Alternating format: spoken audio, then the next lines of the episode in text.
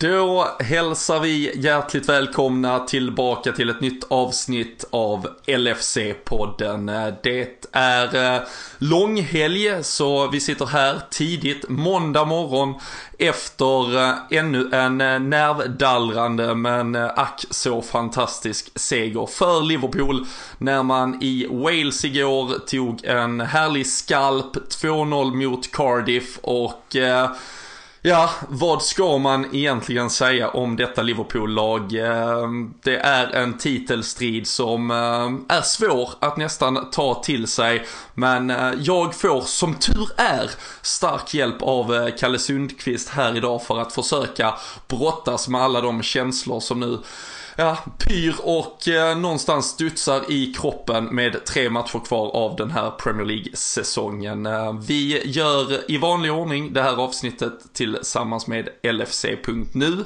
och eh, Ja, i dessa eh, tider där man verkligen vill konsumera Liverpool dag ut, dag in är det ju eh, en eh, väldigt, väldigt bra vän att hålla i handen. Se till att ni besöker den sådär en 70-80 gånger om dagen så ni inte missar någonting. Och sen kan vi även passa på att pusha för att våra kära vänner på Sam Dodds, som vi brukar göra väldigt mycket kul tillsammans med, det är ju de som bland annat chippar in massa häftiga priser i våra tipstävlingar tävlingar. De har fått in en hel drös av eh, den nya matchtröjan, den nya hemmatröjan för både utespelare och målvakt är ju nu släppt och presenterad av New Balance och eh, den kan förbeställas på samdods.com från och med nu och eh, ja Indikationerna säger att det kommer nog bli lapp på luckan och slutsålt till slut kanske redan innan den är helt ute till försäljning så se verkligen till att lägga vantarna på ett exemplar redan nu om ni inte har gjort det. Jäkligt, jäkligt eh, snygg. Men eh, nu som sagt så ska vi omfamna den titelstrid Liverpool befinner sig i nålsögat av och eh, jag ska göra det tillsammans med Kalle Sundqvist. Så eh, sätt er till rätta eh, och eh, ja, invänta en härlig timme av LFC-podden.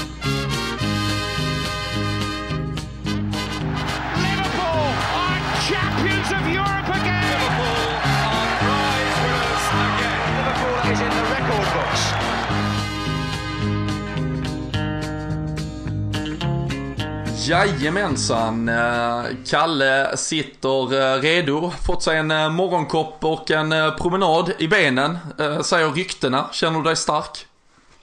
Ja, jag känner mig oerhört stark faktiskt. Det, samtidigt har det blivit någon form av terapi också för att eh, överleva den här eh, tvåfrontskriget som vi är egentligen, både i ligan och i, i Champions League. Det är ligan som är mest påtaglig rent liksom, nervositetsmässigt. Så att, eh, det blir en liten frizon där och man får ut och knalla lite och sen bara gå runt med ett eh, leende på läpparna och blotta en Liverpool-keps. Så att det, det är bara bra med det faktiskt.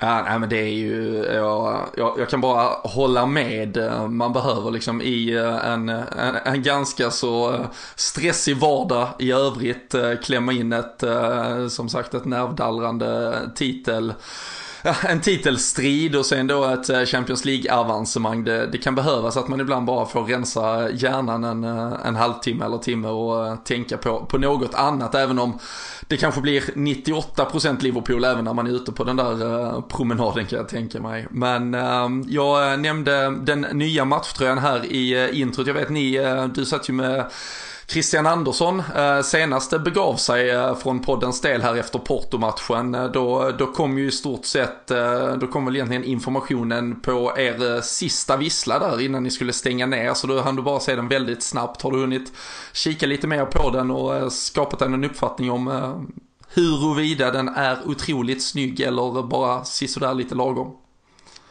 Ja, precis som du säger. Första anblicken där så tyckte jag att den var riktigt snygg och det tycker jag fortfarande faktiskt. Sen, eh, sen ska man väl väl säga att det är målvaktströjan som egentligen sticker ut som jag tycker är, den är riktigt snygg. Eh, på ryktesvägar sägs den ju vara slut redan från, eh, från den officiella shoppen. Jag vet att det var någon som hade försökt förbeställa men det var där var det redan lapp på luckan precis som du nämnde här i, i introt. Men matchtröjan tycker jag också är jäkligt snygg. Gillar att den går fortfarande i den här lite mörka röda färgen och lite, lite gamla detaljer från förr. Så att jag, jag gillar det där när man försöker ta in lite gammalt.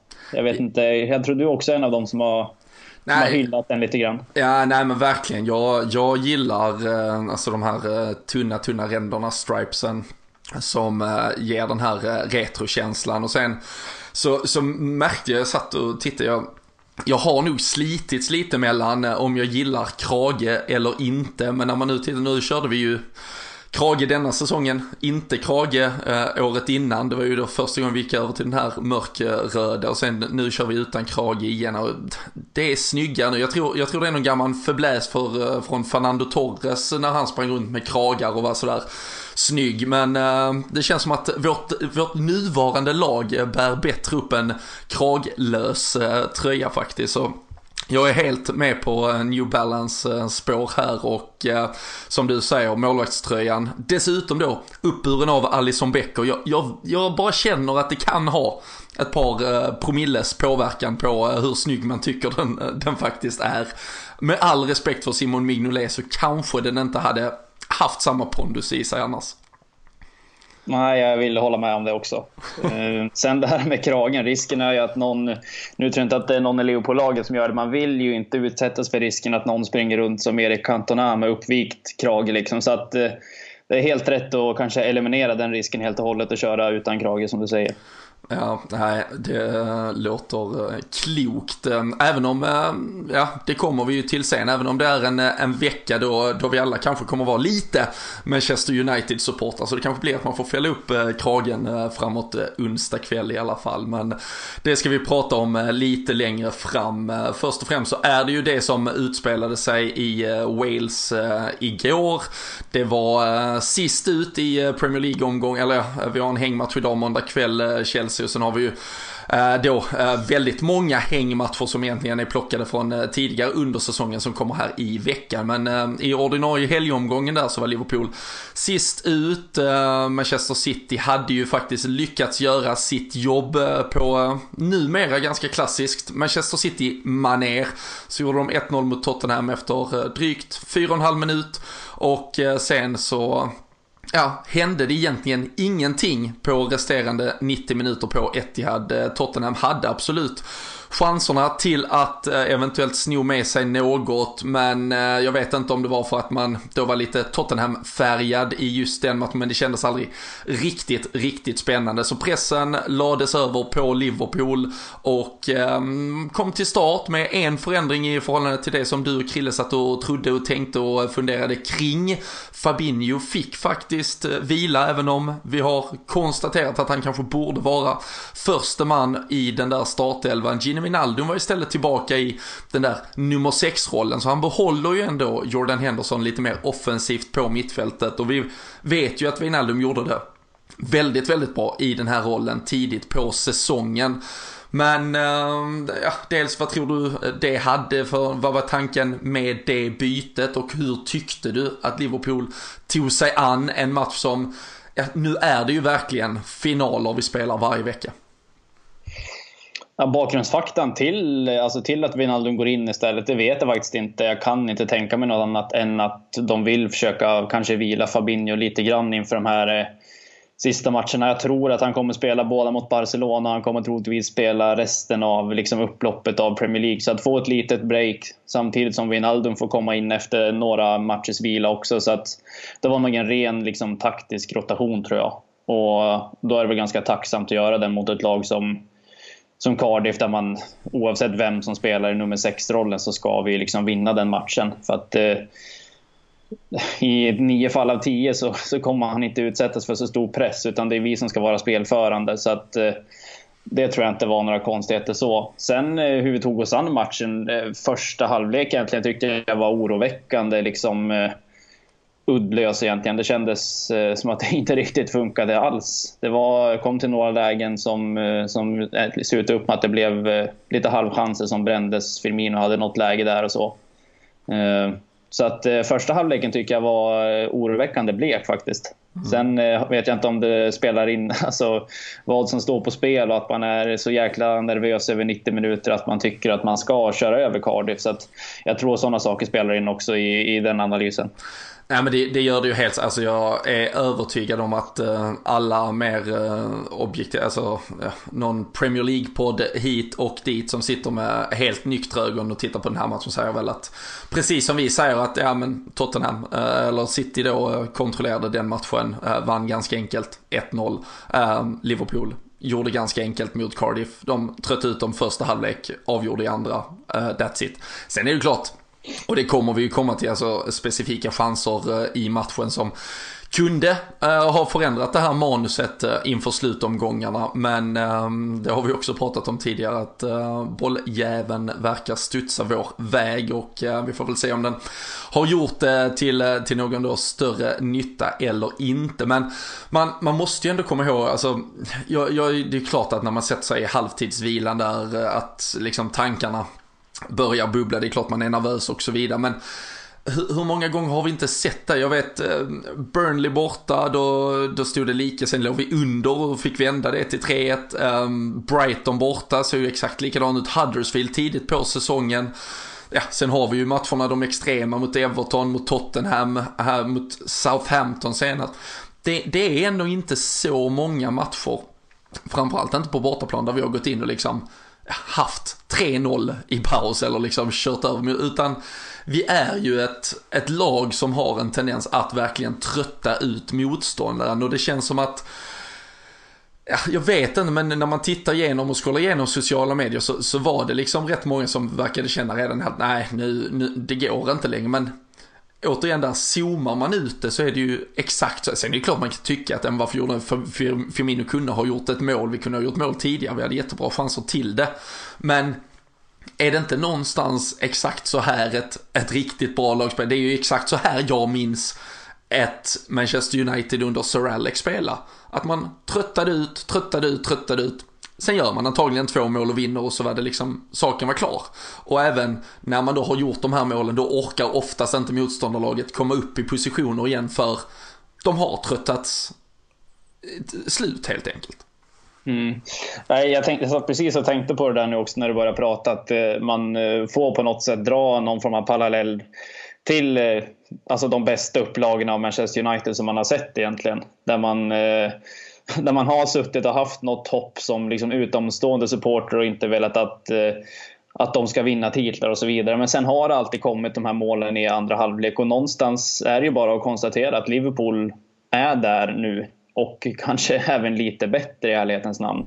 Så att eh, det är, eh, det är inget konstigt egentligen att det går och vacklar en, en halvlek precis som du nämnde på, på bortaplan mot liksom ett lag som man egentligen bara ska vinna över. Utan man, man eh, kör sitt race och man tror så mycket på den idén att du kommer vinna till slut innan matchen är över. Och det är ju någon, alltså någonstans det som definierar ett bra lag också. Att man, att man liksom bara kör vidare på sin idé och tror på det och vinner trots att man kanske inte spelar på sin allra högsta nivå. Och det är ju liksom på det sättet man, man kan slåss på fler fronter också utan att man behöver trötta ut sig helt och hållet i 90 minuter varje match för att liksom ta tre poäng. Så att eh, det är bara att konstatera att den här upplagan av Liverpool är liksom uppe där och jag ser att du har skrivit krönikor om det också som, på Twitter som belyser att det här är liksom ett av de bästa lagen som har spelat i Premier League och det är bara att konstatera. Så att det är, eh, är liksom inga konstigheter tycker jag.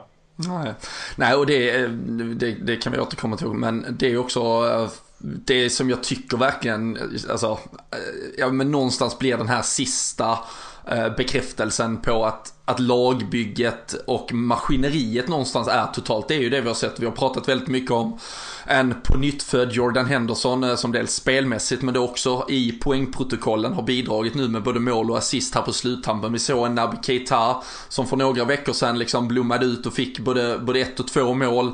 Igår då är det Gino Wijnaldum som liksom med en hästspark som, det var ju bara tur att nätet var där annars hade han ju mördat folk på läktaren med det skottet. Och sen en James Milner som, som kommer in och, eh, och eh, sätter liksom spiken i kistan med sin stav. Det är ju helt plötsligt, det, det är verkligen alla i det här laget, när det nu verkligen betyder som mest, går ju in och bidrar och det är väl någonstans ska man ta fram liksom skolboken på vad som definierar ett komplett lag så är det väl just exakt det här och jag tycker det, ja men som sagt, jag tycker det ger den här sista, sista bekräftelsen på att vi är kompletta över hela banan. Jag tycker en Joel Matip har ju spelat upp, alltså han var ju för fan, han spelade ju regista om man ska tala italienska fotbollstermer igår i stort sett när Cardiff föll ner i knät på Etheridge och, och kliver fram med en fullständig självklarhet så känner han sig som en delaktig och otroligt viktig del till och med i det här Liverpool-laget. Och det, den miljön tror jag inte man skapar hur som helst och det visar på att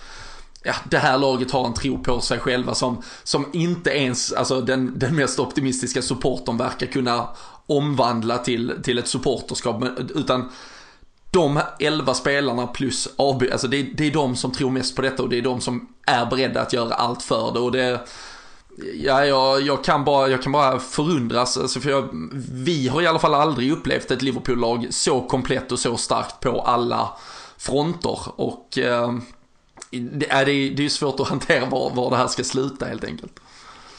Ja, absolut, och det där är någonting som jag tycker att det har utvecklats liksom successivt över hela säsongen också. Att det har blivit ett mer komplett lag. Det var ju alltså i början av säsongen, vi behöver inte alls gå jättelångt tillbaka i tiden innan det bara snackades om egentligen van Dijk, Allison och fronttrion. Att det riktades mycket kritik från Ja, dels från, eh, jag har sett mycket klipp på Jamie Carragher och, och liksom Gary Neville som pratar om att mittfältet bidrar alldeles för lite. Och nu bara inom loppet av en månad så har liksom Keita gjort två mål.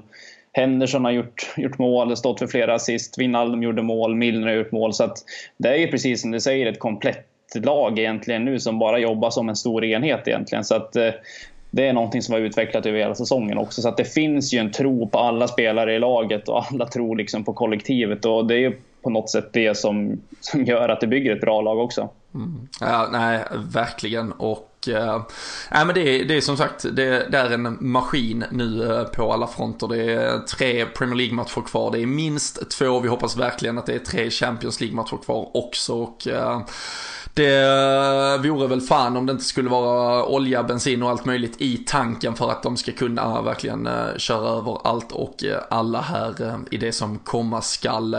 Jag, jag tycker verkligen att man ska försöka eh, stanna upp och, och, verkligen njuta av det i alla fall. Eh, som, eh, som du var inne på där, om man tittar på statistiken nu så har vi alltså redan 88 poäng vi är en seger, vi är tre poäng från att tangera eh, Sir Alex Fergusons bästa säsong någonsin med Manchester United. Han nådde 91 som allra, allra bäst. Eh, vi är två poäng ifrån, det vill säga med en seger så, så går vi faktiskt förbi eh, Arsenals eh, Invincible-säsong från eh, 03-04 och eh, längs vägen mot eh, 97 poäng om vi nu når hela vägen dit eh, så kommer vi passera, eh, ja faktiskt alla lag som tidigare har spelat i Premier League med undantag för det City-laget som under förra säsongen då var först upp att nå 100 poäng. Och um, vi, vi, kommer, vart det här än landar, göra antingen den näst bästa eller tredje bästa beroende då på utfallet för City denna säsongen. Ehm, helt enkelt säsongen som ett lag någonsin har gjort i eh, Premier League-sammanhang.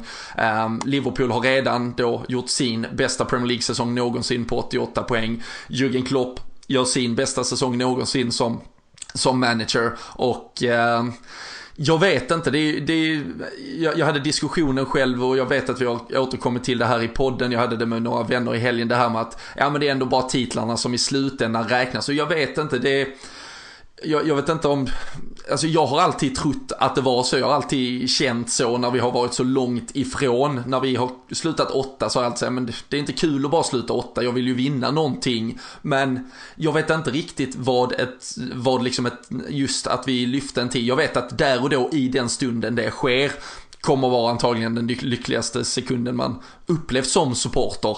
Men jag kan liksom inte tänka mig hur jag tre veckor senare kommer må ja, har så mycket mer studs i dojan över att vi har vunnit eller att vi har kommit tvåa på 97 poäng för det här laget, det har bara gjort att, ja men alltså jag, man har fått en ny dimension av kärlek till både Liverpool och fotboll och jag vet inte vad mer man kan liksom begära. Nej, det är ju svårt att veta liksom hur, eh, hur man skulle reagera på någonting man aldrig har upplevt. Men jag köper liksom ditt eh, resonemang där på något sätt ändå. För att tänker man tillbaka på alltså de bästa stunder man har upplevt egentligen som supporter så det behöver ju bara gå bak till 13-14 egentligen. Som hela den eh, våren var ju liksom eh, också helt sjuk, precis som den här våren var. Och man minns ju liksom eh, känslan hur, hur bra man mådde hela den våren och hur kul det var att följa Liverpool, hur mycket darr man hade liksom inför varje omgång. Och på något sätt är det ju det man minns egentligen. En titel blir ju bara liksom någonting som eh, liksom sätter sig på toppen av en hel säsong. Men det är själva resan också som är så fruktansvärt rolig och spännande att följa. Så att jag tror likväl, alltså hur den går den här säsongen, så kommer det här vara en säsong man minns liksom för evigt och bara eh, kommer se tillbaka på att det förhoppningsvis var, alltså här är starten på någonting liksom riktigt stort för Liverpool. För att eh, det är inte direkt så att vi kommer ha ett sämre lag nästa säsong utan det är bara snarare tvärtom. Så att mm. oavsett om man vinner en titel eller inte så tror jag att det här kommer vara startskottet på någonting, liksom, jag ska inte säga en ny era för Liverpool, men eh, på något sätt eh, liknande ja, där. Jag, ja, ja, men jag tycker man, jag tycker man kan se det lite så. Um, och uh, dels bara för att konkretisera framgången ytterligare så kan man säga, alltså det här att vi är i den absoluta titelstriden av Premier League, att vi är framme i semifinal av Champions League det har ju inte heller hänt i alltså, modern tid så sett. Om vi räknar Premier League-eran eh, 13-14 när vi utmanar om, om ligan. Då var vi inte ens med eh, i Champions League 08-09 när vi utmanade om ligan. Då, då tog vi oss till kvartsfinal i Champions League. Eh, 04-05 när vi vann Champions League, ja, men då kom vi ju faktiskt bara femma i Champions League. Det var ju där man fick börja eh, göra om och förändra det här kring huruvida då en en vinnare skulle få sin eh, plats eller inte rakt in i turneringen. Så, så vi har inte heller att vi faktiskt konkurrerar på de yttersta fronterna i de två största turneringarna vi kan tävla i. Det, det visar ju någonstans, det är ju också beviset på den här totala dominansen och jag tycker numera nationellt, internationellt, om vi tittar ren fotbollskvalitet, där är vi på den absolut yttersta nivån. Äh, jag tycker man ser och hör hos eh, liksom motståndarsupportrar och det är väl det är där någonstans jag tycker att det, det definierar ja men alltså storheten eller liksom var, var vi är i näringskedjan. Det är ju liksom när man ser hur rädda folk faktiskt är för dem. Folk, folk är så rädda för att Liverpool ska vinna det här ligan för att de vet att det enda lilla de har kvar nu, det, det är ju att de kan komma och säga om vi nu kommer tvåa i båda de här tävlingarna till exempel, då kan de ändå komma med, ja men ni har inte vunnit ligan på 29 år eller 30 år nästa år och så vidare. Men, ja men vet du vad, alltså i don't give a fuck, men det är klart det hade varit jävligt skönt att bara ta det och trycka ner i halsen på alla. Men bara det faktum att de redan är så rädda för oss att det är det enda halmstrået de griper efter och att de hellre ser att fuskbygget Manchester City som utreds av FA, Uefa, Fifa, att de hellre ser att det laget vinner för att liksom hålla det, nej vi klarar inte av Liverpools framgång. Alltså, ja, jag tycker det visar att vi redan har vunnit och dessutom att vi vi behöver inte ens göra en förändring på nästa, alltså till nästa. Vi kan gå in med exakt samma lag. Sen kommer vi säkerligen krydda det, men vi kan gå in med exakt samma lag och antagligen göra en exakt lika bra säsong nästa. Medan alla våra konkurrenter antagligen behöver tre, fyra spelare, vissa ska byta managers och så vidare. Så vi kan väl konstatera att Liverpool är tillbaka någonstans ändå överst i näringskedjan, var detta än slutar. Ja, jag är helt enig med dig. Precis det där du nämner här, att folk är så otroligt rädda att Liverpool ska vinna ligan och att de Alltså jag hör ju hur snacket går och ofta också liksom i andra sammanhang att man håller på alla lag utom Liverpool. Alltså bara inte de vinner. Och det är liksom... Bara där så tycker jag, precis som du nämner, att man har liksom vunnit på något sätt också. Att det, att det finns en sån jäkla bekräftelse där på att Liverpool är tillbaka på den nivån där vi ska vara och där man kanske inte trodde att vi skulle vara för några år sedan och där motståndarfansen absolut inte vill att vi ska vara. Så att eh, på så sätt har man ju gått emot så mycket som så många har trott och liksom redan där får man ju se det som en vinst och sen som jag nämnde tidigare att det förhoppningsvis är starten på någonting där man kan ja. gå in i en, liksom en period där man verkligen börjar vinna saker. Så att det, nej, jag, jag håller med dig helt och hållet där. Det, det, är, det är fint att vi, att vi gör det, Kalle. Eh, vi hoppas att eh, alla som, eh, som lyssnar också dels kan försöka känna in det och försöka ta till sig allt det fantastiska som Liverpool uträttar. både på plan i form av det laget presterar också vid sidan av hur, hur hela klubben verkligen växer överallt och att vi någonstans som sagt är tillbaka, eh, om man nu slentrianmässigt får slänga sig med eh, det uttrycket. Eh, jag tänkte ett par grejer att plocka med sig från eh, matchen eh, lite specifikt. Eh, det är ju eh, dels eh, en eh, Fabinho som kom in och väldigt snabbt efter bara 3-4 minuter fick gå ut igen. Hur upplevde du den situationen och vad tänkte du kring att han verkade testas, verkade eventuellt kunna följa ganska bra med på det där fingret som sjukvårdspersonalen bad honom följa, men så tar man ändå beslutet att han inte ska spela. Um, klokt uh, får det väl ändå anses vara i slutändan, men var du förvånad att man klarar av att vara så rationell i det skedet? Uh, ja, det, det, var jag faktiskt. För att det är sällan man ser att de tar av spelaren direkt. De brukar alltid liksom gå in och prova dem en gång till och sen vet man redan då att ja, men om tre minuter så kommer den här spelaren sätta sig ner och ta sig mot sin hamstring eller att de kommer sätta sig ner och kliva av. Så att av den anledningen tycker jag att det var liksom uh, hundraprocentigt klockrent agerat av av de som tog beslutet det är väl det medicinska teamet antar jag som liksom bestämmer att nej, det, det, här går inte. Plus att man absolut inte vill riskera någonting. Så att jag läste att Klopp hade sagt någonting att det är, liksom, det är ingen fara med Fabinho men att han var liksom inte hundraprocentigt där just då och det har vi inte liksom råd med att riskera. Och att tänka så i det, liksom i det skedet när man precis har bytt in honom också, det tycker jag bara är äh, jävligt bra tycker jag. Ja, ja men verkligen. Jag var, eh, jag, för jag var också helt säker på, jag tror alla minns väl, eh, vad fan hette han? Tysken, Kramer, Kristoffer Kramer som eh, spelade VM-finalen 2014. Han minns ju fortfarande inte att han var på planen där i en kvart, 20 minuter. Han fick ju en sån jävla klocka och sen spelade på, gick av och Ehm, det var liksom man, man börjar känna sig, tänk om de låter han eh, spela och så blir det någon så slår någon eh, märklig jävla passning eller inte är helt uppmärksam vid någon hörna. Jag tror inte heller han hade varit supersugen på att gå in stenhårt i en nickduell för att försvara något av eh, Cardiffs långa inkast liksom. Så Eh, väldigt, väldigt mycket beröm måste jag ändå rikta där till. Om det är då eh, sjuk, eh, det medicinska teamet, eh, sä säkerligen då i någon form av kommi, eh, ja, kommunikation och eh, kombination med vad eh, ledarteamet ändå tycker. Men otroligt snabbt agerat och, och såklart en bagatell i sammanhang men också understryker väl någonstans laget före jaget. Det är klart att Fabinho vill in och spela där. Det är klart han vill fortsätta, klart han vill sätta avtryck. Men det var 1-0 i det läget. Det var ju inte något kassaskåp säkert och istället så eh, resonerar man då som sagt fullt rationellt och säger nej,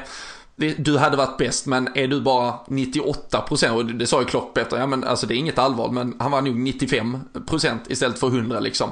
Och eh, att man då visar på att vi har den kvaliteten i truppen att är du bara 95 då har vi någon som kan gå in och göra det ännu bättre och som verkligen är ja, helt up for it. Och James Milner kommer in och sen som ett brev på posten eh, så kommer det ju en straffspark som han sen får lov att förvalta. Och eh, där blev det väl egentligen eh, två snackisar kring den som jag tänker att vi bara kan eh, lyfta väldigt snabbt och så kan vi väl döda lite myter och så kan vi gå vidare sen. Men eh, först var det ju en Henrik Strömblad som eh, kommenterade matchen för Viasat. Eh, jag såg att någon kanske hade misstolkat, jag skrev lite om det på Twitter igår att absolut, han konstaterade att det var straff, man får inte hänga på honom sådär. Men han satt i nog sådär 17, 18, 19 repriser och ändå letade att Ja, han lägger sig kanske lite lätt, men det är nog straff. Han lägger sig ganska lätt, men det är nog straff. Um, vad är problemet för eh, kommentatorer, eh, pandits och så vidare att bara konstatera det är straff och det är straff och sen var det inget mer med den saken. Eh, jag vet faktiskt inte vart problematiken ligger. Jag tror att de också blir påverkade liksom av att eh, om det nu, alltså om det nu kan, de situationerna där Salah liksom verkligen har lagt sig de är inte många under den här säsongen utan det är folk som vill tro att det har varit situationer där det är rena filmningar. Det kan vara att det har varit så någon situation men det är absolut inte liksom något, något som är vedertaget att Salah filmar sig till straffar utan det är någonting som media har velat skapa och någonting som motståndarfans absolut inte har varit sena på att haka på. Och, eh, och Neil Warnock. ja. Ja, Neil Warnock kan, kan man faktiskt tycka lite synd om för att de har fan inte haft mycket som går med dem. Men just den här situationen kan de inte snacka bort. Han hänger ju fullkomligt runt Sala, omfamnar han med båda armarna. Och det är inte bara liksom i en liten stund utan det är, det är, han fullföljer hela situationen till slut. så ja, att man ens liksom behöver granska den situationen från olika kameravinklar, det tycker jag är helt bisarrt egentligen. För att eh, det är ingen liten pjäs som omfamnar honom heller. Och sen, nej, som jag sa, att han kramar ju runt honom i ja, under en hel spelsekvens egentligen. Så att, ja, men det, och det, det, är där, det är där någonstans jag, jag tappade lite kring att, alltså när, fine att du vill se en repris på det, men när du har sett en repris så kan du väl bara konstatera Oj, ja men det är ju en solklar straff. Vad gör Morrison? Är han, all, alltså är han dum i huvudet? Det är 1-0, han är med ryggen mot mål, det är längs förlängda alltså mållinjen. Vad, vad sysslar han med? That's it. Du behöver inte ens, du behöver inte ens nämna typ att det är Salah som trillar, alltså du behöver inte nämna vem som trillar, du behöver inte nämna vad som händer i övrigt. Det är straff och uh, that's it. Um, sen är det ju lite roligt, uh, det som uh, uppdagats är väl kanske en, en förstärkning på det, men Morrison där, han uttalade ju sig faktiskt inför att ehm, Liverpool mötte Cardiff i höstas, en match som vi var på med podden Away-gänget och passade ju i sig ganska bra nämna att eh, vi nu tar emot eh, anmälningar till eh, höstens resa också. Det har strömmat in, men vill man hänga med där på podden Away till hösten så lägger man ett mail till robin bylund at hotmail.com med sin intresseanmälan, hur många personer man är i sällskapet och direkt här i juni när spelschemat är släppt så kommer vi skicka ut erbjudande då först och främst till alla som har skickat in en intresseanmälan om att eh, signa upp sig. Men eh, det jag skulle komma till var att han inför den matchen sa att han tyckte Liverpool spelar fantastisk fotboll. Han tyckte att om eh, liksom någon kan utmana City så är det nog Liverpool. Han tycker att hela staden hade förtjänat att eh, få det där eh, efterlängtade ligaguldet. Och eh, sen var det han som missade öppet mål och eh, gav oss en straff. Så kan det vara att det var en liten agent på uppdrag eh, där i Cardiffs backlinje. Ja, det kan det nog vara. Förhoppningsvis starten på någonting där, för då kan han lösa det och sen löser Rafa det sen och uh, Cody kanske sätter något snedsteg i sista omgången. Så att uh, det, det, får vi ju hoppas. Mm. Just den där missen som du är inne på, den är också helt eh, sjuk egentligen. Hur fan han kan misstajma den så dåligt. Jag tänkte, det första jag tänkte på när jag såg det, ja, givetvis att jag trodde att bollen, alltså att det var mål. Men sen att den gick utanför så var man liksom tvungen att klia sig i ögonen som på en tecknad film och titta, titta en gång till. Men det liknar ju den här nickförsöket eh, Jovanovic gör när han spelar för Liverpool, när han bara misstajmar nicken helt och hållet och bollen landar en meter framför honom. Så att, att han ens lyckas med den där bedriften, det, är ju, det ska han fan ha en eloge för i sig. För att det, det var ett eh, riktigt mirakel. Ja.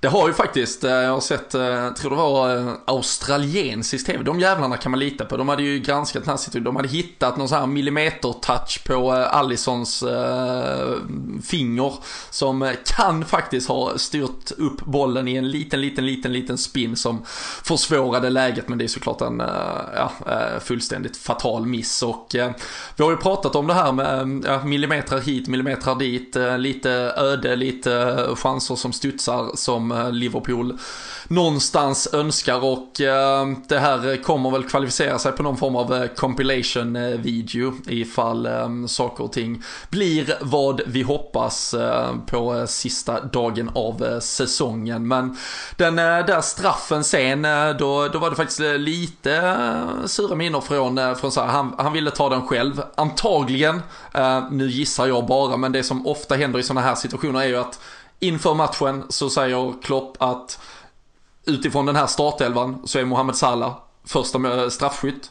Eh, fullt naturligt, han har satt ett par straffar denna säsongen. Han jagar på i skytteligan. Men sen någonstans så är ju såklart Liverpools, eh, alltså den eh, officiella hållningen inför en säsong är ju att James Milner är första straffskytt. Det vill säga att plötsligt har man då två första straffskyttar på planen. Och jag tror alla som någonstans ändå är med i matchen här vet att är du första straffskytt, alltså utsedd på, alltså helst säsongsbasis, så trumfar det ju även, alltså matchskytten. Och eh, jag vet inte, det blev ju inget stort, stort sål kring det, men Salah vill ta den. Milner rycker åt sig och säger nej det är jag som ska ta den.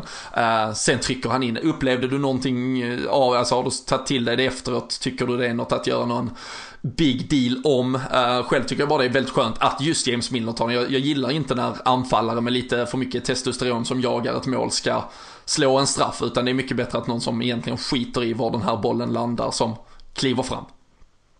I ärlighetens namn ska jag säga att jag noterade inte ens att det var något form av, eh, liksom, jag ska inte säga gräl, men att det var diskussioner om vem som skulle ta den. Nej, jag, tror men, inte de första, jag tror inte de första tv-bilderna fångade så, så nämnvärt. Och det var ju som sagt så stort, alltså så litet var det ju så att det fanns inget att fånga, men det var ju en, en diskussion i alla fall. Liksom.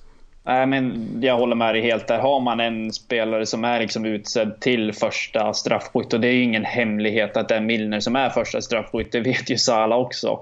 Sen eh, att han liksom eh, jagar kanske något form av... Eh, dels vill han givetvis vinna matchen, men han jagar ju någon form av personlig trofé också i toppen av skytteligan.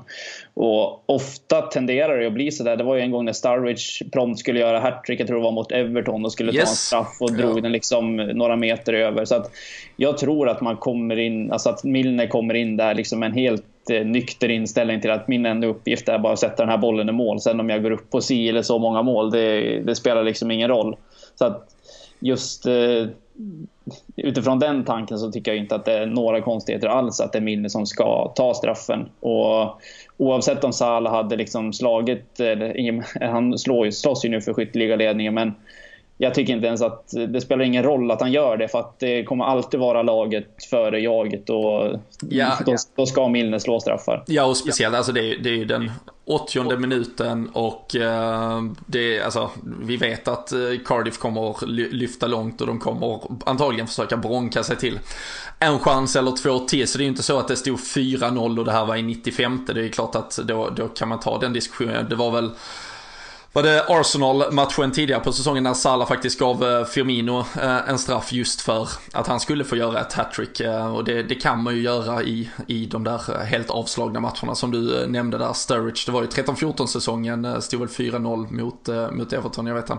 Satte upp den på läktaren, jag stod på Dekopp sådär rad 70 och fångade den i stort sett. Men ehm, det ehm, är inte läge för det när det står 1-0 i 80 minuten i en av de absolut eh, sista matcherna för säsongen. Det är klart att den som är eh, dedikerad uppgiften ska ta den och eh, ja, Salah får väl helt enkelt göra en 5-6 baljor mot Huddersfield till, ja, till fredagens match som det faktiskt är istället då. Nu är det ju helt jämnt skägg även mellan honom och Agüero, det var det ju sedan tidigare, men även Pierre-Emerick Aubameyang har klivit upp på 19 mål och så skuggar ju Sadio Mané där precis bakom. Det är en eh, nervdallrande strid även där, men eh, personliga eh, priser och eh, utmärkelser känns ganska ja, sekundärt i sammanhanget eh, när Liverpool som sagt eh, slåss om de två största troféerna ett lag kan vinna under tiden.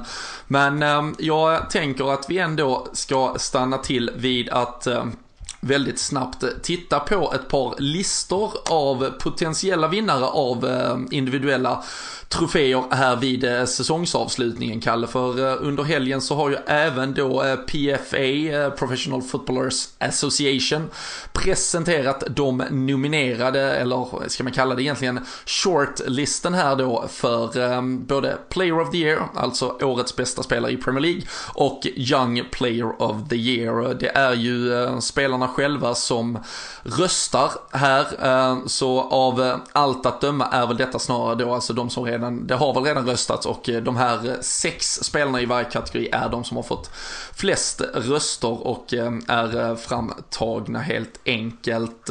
Men på ungdomssidan så stannar man ju faktiskt upp och reagerar över faktumet att det är spelare fram till och med året de fyller 25 som kan vara med på den här listan. Det börjar ju verkligen med unga spelare i form av vår egen Trent Alexander-Arnold.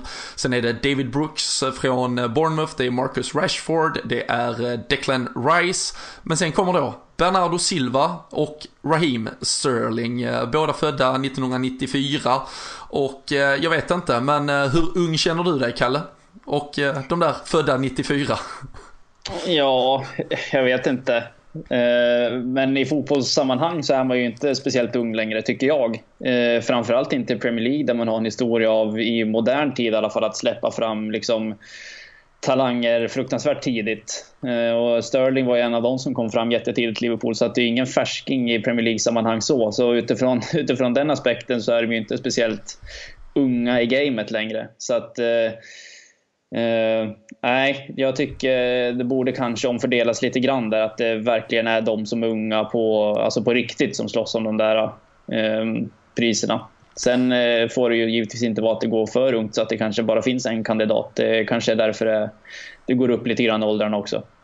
Ja, ja men alltså det är ju dels, eh, alltså någonstans får man väl landa i antingen så får det ju ändå vara en ålders, eh, alltså, alltså jag bara höftade men någonstans nästan hälften, alltså säkert ja, ska vi tro i alla fall, ja, det är väl skitlagen som inte har så, så unga tror men alltså 40% av alla spelare i Premier League är ju antagligen typ 25 år och, och, och yngre liksom. Så det, det, blir ju en otrolig massa spelare som kvalificerar sig för att eventuellt bli eh, nominerade här och eh, jag, jag tittar liksom på en, bara i Liverpool, alltså en, en Andy Robertson. Han är ju också egentligen eh, född 94, skulle kunna kvalificera sig så han har väl, kan jag tycka, varit under säsongen bättre än Trent Alexander-Arnold under långa stunder men jag känner ju inte att han är den unga färska spelaren som på så sätt förtjänar en nominering här. Det tycker jag att Trent är, men om kategorin trots allt omfamnar alla spelare 25 år och yngre så tycker jag ju verkligen han ska, oh, herregud, Marcus Rashford, ja han är ju ung och låg, men han har ju varit, han har ju inte varit bra denna säsongen. Så han har varit,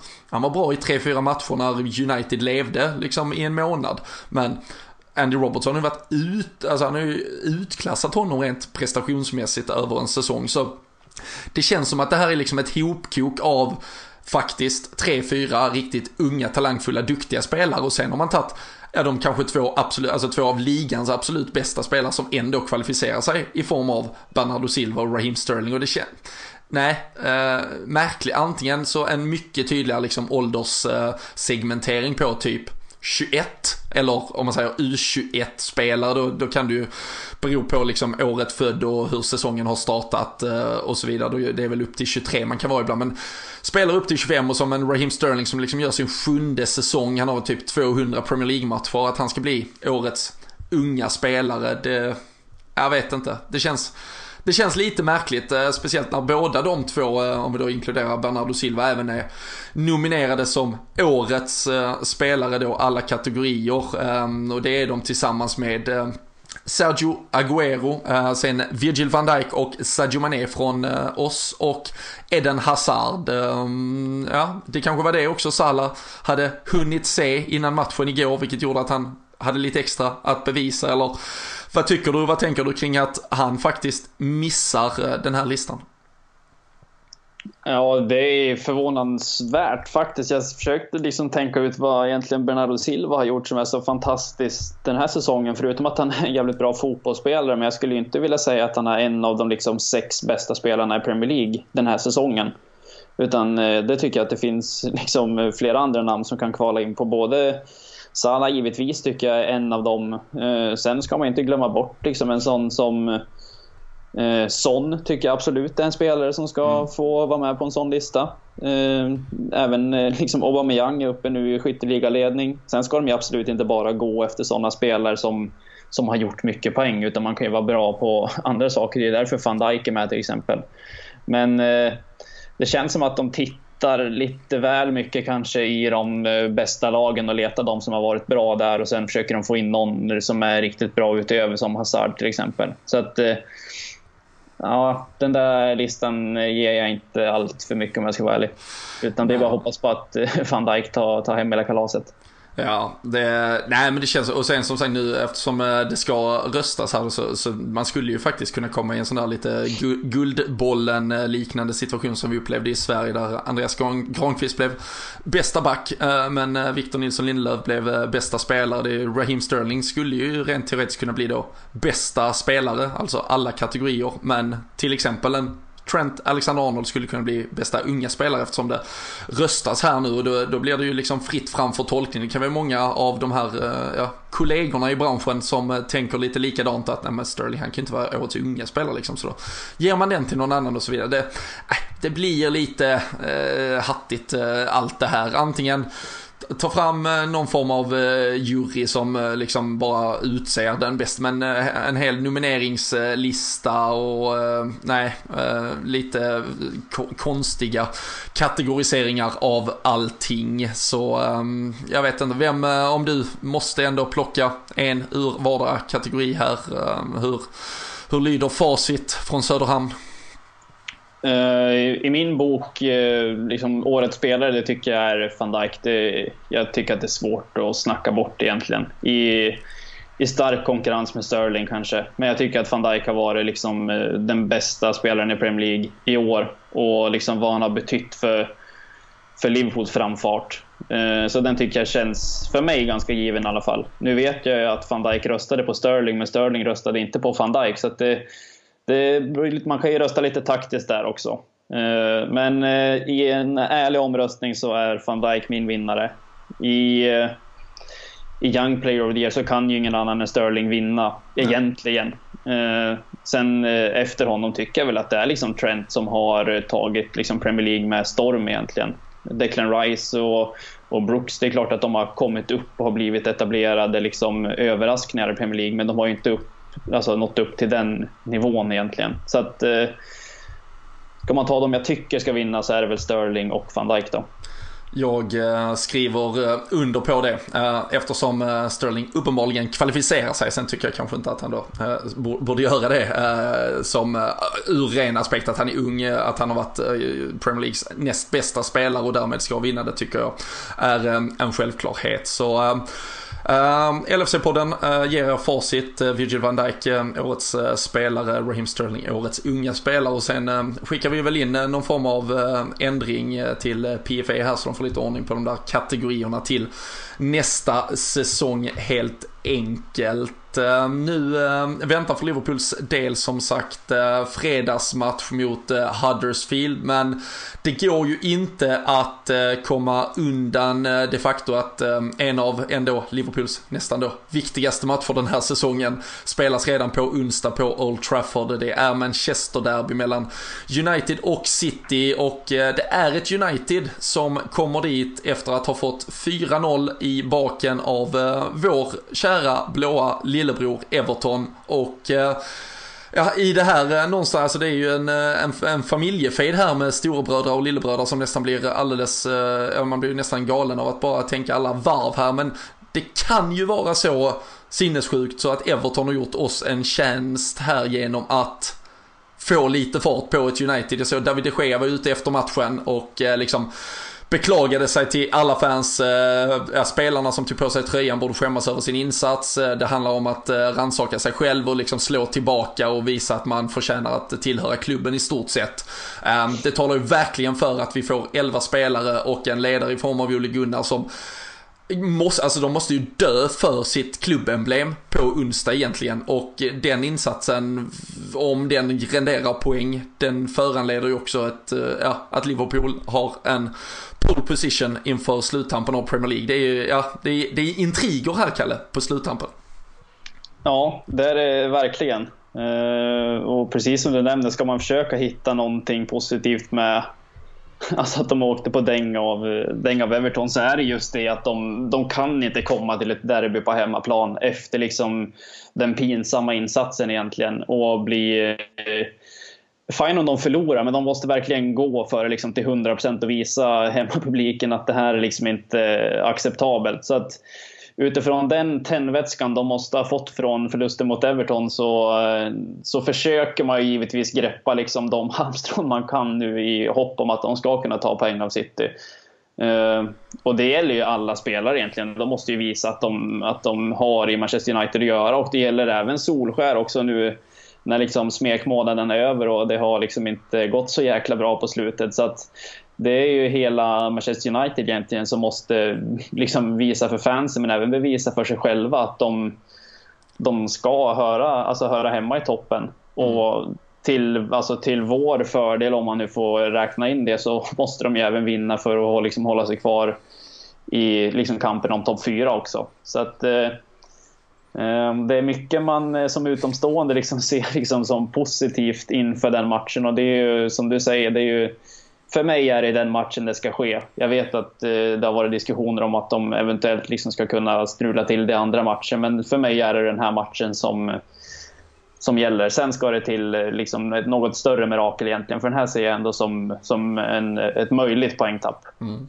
Men vi, vi understryker att inget är kört, även om... Det är det, är det, det, är det absolut inte. Det var, eh, det var folk det... som gick hem i paus i Istanbul eller när tysken gjorde 4-0 på Sverige i Berlin. Det, det kan hända saker i fotboll helt enkelt.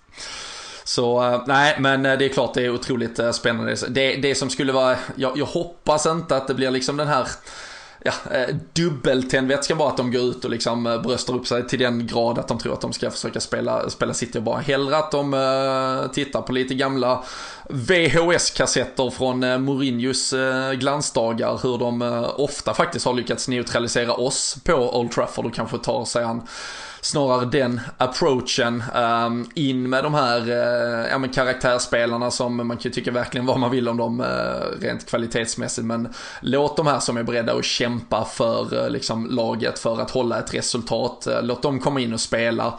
Um, så ja, efter att man hade Tottenham-tröjan i lördags så tar man väl på sig åtminstone en, en liten, liten United-halsduk och, och kniper en tumme här på uh, onsdag kväll. Det, uh, men det, det är ju såklart, alltså det är ju så häftigt häftig eh, avslutning vi har på detta. Och, för Liverpools del så är det ju Huddersfield bort, eller hemma, det är Newcastle borta, det är Wolves hemma. Och sen eh, för eh, Citys del utöver det här derbyt då så har ju de Burnley och Brighton på bortaplan och sen Leicester hemma däremellan. Så det, ja det kommer av allt att döma leva fram till eh, säsongens eh, sista spark och eh, vi, vi gjorde ju faktiskt så att Rafa Benitez och Newcastle är matematiskt helt säkrat i Premier League-tabellen. Det var de väl egentligen då redan innan Cardiff-matchen där. Men han kanske bjuder tillbaka, ställer upp med ett U9-lag eller någonting när det väl är dags där. Och sen som du sa, Connor Cody kanske råkar släppa igenom Mohamed Salah lite extra billigt i, i sista matchen också. Men eh, vårt första eh, stopp längs vägen, eh, man får ju verkligen inte glömma det. Eh, jag tror många med mig kanske satt och tittade på City Tottenham och hoppades hit och dit att saker och ting skulle bli antingen si eller så. Men, men det viktigaste är ju sen att vi faktiskt alltid gör vårt. För så länge vi gör det så kommer det ju alltså leva fram till säsongens sista spark i stort sett. Och Huddersfield hemma ska vi ju såklart alla dagar i veckan vinna. Det är ett Huddersfield som är utslagna ur Premier League, kommer att få börja om i Championship. Eh, men ehm, behöver man tänka och vara nervös eller eh, tror du vi får se ett eh, Anfield under strålkastarna en fredagkväll som exploderar och sjunger fram det här Liverpool-laget till både mål och resultat? Ja, jag ska faktiskt säga att jag är inte det minsta nervös ska jag säga. För att eh, Huddersfield är redan, som du säger, de är nere i Championship redan och de, de har nog inte gett upp sin säsong. Men det är ju mer eller mindre att många spelare vet att jag kommer troligtvis inte kanske vara kvar här nästa säsong. Och det, är liksom, det kanske är lite andra tankar i huvudet. Plus att de går upp mot eh, Premier Leagues, eh, ett av Premier Leagues överlägset bästa lag. Så att, på hemmaplan med, med de förutsättningar som finns så har jag svårt att se att någonting annat ska hända faktiskt. Och eh, vad tror du där då eh, ifrån nu, Fabinhos smäll här får vi ju såklart eh, avvakta lite och så även om det ansågs då vara något eh, lindrigt och att han kanske är i fysiskt eh, slag. Eh, är det förändringen vi eventuellt får se att han kliver in? Vad tycker, behåller Naby Keita sin plats på det där mittfältet? Wijnaldum bidrog såklart både med lungor och även då ett klassmål. Lite ja, valmöjligheter är det ju faktiskt i den positiva vågskålen på mittfältet nu också. Uh, ja, absolut. Det är ju liksom svårt att se hur de tänker. Man får ju ändå göra någon form av slutsats utifrån om Fabinho kan spela eller inte. Är han redo för att spela så tycker jag att han ska göra det. Uh, och Henderson känns ju också given på det där mittfältet nu efter liksom, uh, den återuppståndelsen han har haft. Så att det blir om, om Keita ska fortsätta spela eller Wijnaldum. Eh, men eh, jag tror faktiskt jag vill se Keita fortsätta på det där mittfältet och liksom försöka få in honom i det ännu mer. För att Wijnaldum kommer få spela tror jag, två viktiga matcher mot, eh, mot Barcelona från start. Så att då, då kan han nog spela Keita nu i, i Premier League också. Mm. Det känns som att det, det, där sista som saknas av Keita är liksom att han, han är ju otroligt bra på att alltså, ta bollen ganska djupt, ta sig förbi om man säger mittfältspressen och sen man, man, saknar lite att han verkligen är med i det sista, alltså växelspelet in i boxen också. För jag tycker ofta det, han kommer nästan hela vägen fram, uh, har det känts. Nu har han ju varit inne i boxen, men där har han mer kommit det har inte varit i det, om man säger, det, det öppna spelet där han har varit delaktig hela vägen. Då har han dykt upp där och, och det är ju jätteviktigt att vi får de löpningarna in i boxen. Men um, ibland känns det som att han inte eh, fullföljer hela vägen in. Det, det hade jag ju verkligen velat se. Sen är det ju säkert också dikterat vilka villkor han ska attackera på och så vidare från, eh, från eh, ledningshåll så att säga. Men jag, eh, jag, tycker att han har varit så bra i så mycket av spelet nu här de senaste veckorna att jag hoppas att han även, eh, för det känns mot Cardiff eh, igen att vi hade behövt lite, lite mer liksom fullföljningar in i box i, i det kortpassningsspelet som vi ofta får till med Firmino som någon form av nav där precis utanför offensivt straffområde. Så han får gärna till och med putta på lite extra offensivt. Eh, jag tror det blir som du sa att, att han startar. Då är det ju han, Jordan Henderson och eh, Fabinho på det där mittfältet i så fall. Och det andra lär väl sätta sig själv. Eh, Joel Matip fortsätter ju att faktiskt imponera som mittbackskollega till van Dijk. Han driver både på offensivt men även väldigt bra i det, det djupa spelet när lagen försöker slå, slå sig ut ur vår press och där har han nog gjort den mittbacksplatsen till sin egentligen. Joe Gomez kommer ju in nu här och, och visar att han kommer vara tillgänglig vid behov. Men eh, Klopp pratade även på presskonferensen innan eh, den här Cardiff-matchen att han, alltså, det, är inte, det är inte läge att stressa framåt. något. så länge vi har spelare som presterar, som, som gör att han har alternativ så behöver han inte ja, han behöver liksom inte uppfinna hjulet och leta nya alternativ till ett fungerande lag och eh, det tror jag att han gör helt rätt i. Eh, vi kan ju eh, tycka att Joe Gomez överlag är en bättre fotbollsspelare. Vi kan tycka här om en vecka att Alex Oxlade Chamberlain äntligen är tillbaka och även skulle kunna vara 110% frisk. Men det är kanske inte läge att göra de förändringarna med bara ett par matcher kvar på säsongen helt enkelt. Eh, men eh, du eh, ska såklart även få avlägga någon form av tips här inför fredagen. Vi ligger ju, ja, vi ligger ett par dagar fram i handlingarna men Sam Dodds kommer såklart att vara med oss och chippa in några roliga priser här till vår tävling som vi kör på Twitter. Ehm, vi hade ehm, två vinnare för det var helt jämnt skägg nu här eh, mot eh, Cardiff och vi är ju i lite sådär vi, ibland lottar vi ju, vi vill bara ha en vinnare egentligen, men vi har ju lite extra liksom feeling här nu, så eh, det märks att vi är lite extra givmilda. Det var en schysst necessär som är perfekt för en weekend i Liverpool som vi lottade ut en gång. Vi ska se vad vi kan rota fram för något kul till fredagsmatchen. Men ehm, vad tror du?